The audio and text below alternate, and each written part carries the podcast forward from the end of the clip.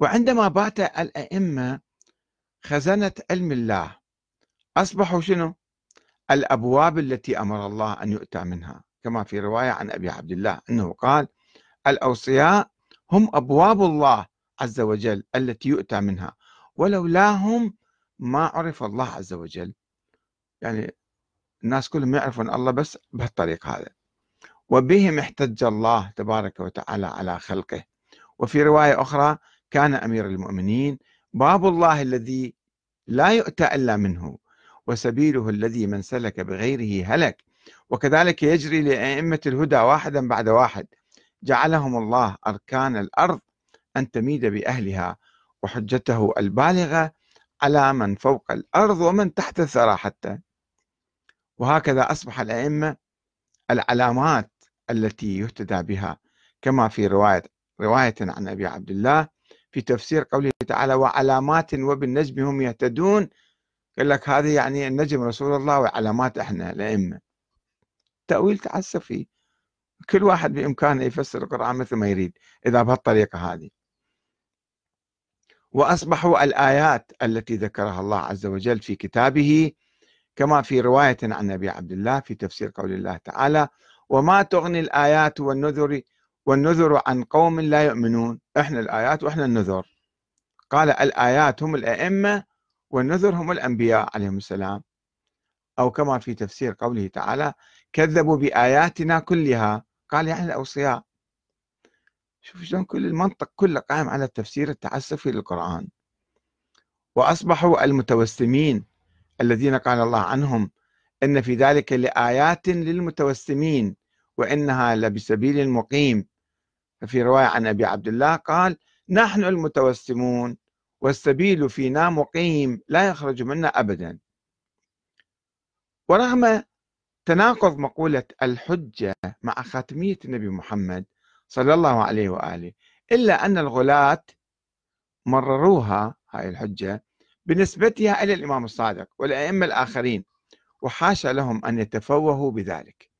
ولا سيما أن جميع الروايات السابقة المنسوبة إليهم تعتمد على مجرد الادعاء والتأويل التعسفي للقرآن ولا تأتي بأي دليل.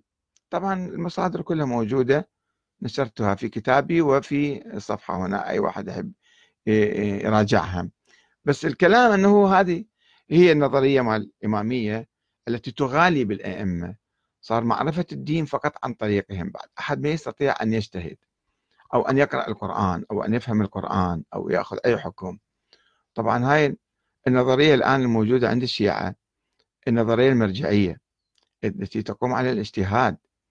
الاجتهاد يعني أنه مو ماكو اعتماد على أحاديث الأئمة ولا على الأئمة. فصارت نظرية جديدة عندنا الآن. الشيعة المرجعية غير الشيعة الإمامية. الشيعة الإمامية وصلوا إلى طريق مسدود ولا أكو أئمة عندنا ولا عندنا أحاديث من الأئمة تغطي المجالات التشريعية الجديدة. فاضطروا إلى فتح باب الاجتهاد. وفتح باب الاجتهاد يعني أنه بعد إحنا مو حاجة للأئمة ولا حاجة لأحاديثهم. ما نعتمد لا على الأئمة ولا على أحاديثهم. فصرنا الآن مثل حالنا حال السنة. اللي كانوا في زمن الأئمة مثلا ما يعترفون بالأئمة. أنهم هم الطريق الوحيد لمعرفة الإسلام. ومعرفة القرآن. لا الإمام أبو حنيفة أو الإمام مالك أو الشافعي أو أي واحد آخر كان يقول إحنا نرجع للقرآن ونفتهم القرآن وإذا أكو أحاديث عن النبي متواترة وصحيحة نأخذ فيها. مو شرط نجي إلا عن طريق أهل البيت أو عن طريق الإمام الصادق وأنه هو الحجة فقط والبقية مو حجة. البقية يعملون بالظن والإمام الصادق هنا أيضا إذا صحت هاي الأحاديث المنسوبة إليه هي تأويلات تعسفية وظنية ما تورث قطعا ولا يقينا. فكل هالنظرية قائمة على الظن وعلى الخيال وعلى الإدعاء وعلى التأويل التعسفي. ما تقوم على حجة صريحة واضحة من القرآن الكريم أو من أحاديث النبي. لا كنظرية ولا كأشخاص. الأشخاص كيف؟ نثبت إمامة الصادق أو إمامة الباقر حتى نقول أنه هو الحجة الوحيد في الأرض والله حاطة هذا مثل النبي. هذا كلام كله من من مقولات الغلاة في الحقيقة.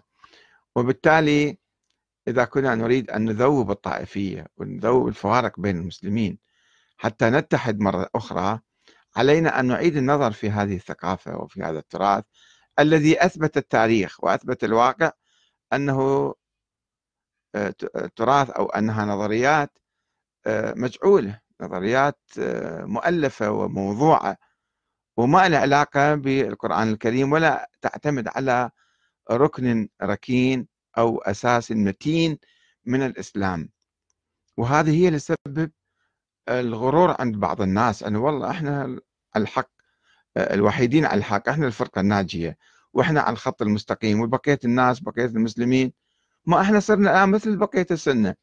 يعني الآن واحد ينظر لمراجع الفتاوى اللي يطلعوها يوميا عشرات مئات الألوف من الفتاوى الجديدة وكلها لا تستند لا على الأئمة ولا على أحاديثهم مناقضة لكل النظريات. المثالية الخيالية الوهمية في الحقيقة. هاي نظرية نظرية الإمامة نظرية كانت مثالية وخيالية ووهمية ووصلت إلى طريق مسدود وانقرضت وبا وبادت وانتهت. وعلينا أن ندفن هذه النظرية ونعود إلى القرآن والعقل والأحاديث الصحيحة المتواترة من النبي فقط. ما نجي ناخذ هالنظريات المغالية ونبني بها فكر طائفي وبالتالي آه، نتصارع مع بقية المسلمين على هذه الأفكار الأسطورية. والسلام عليكم ورحمة الله وبركاته. وإلى حلقات أخرى إن شاء الله. حول من هو الإمام الصادق.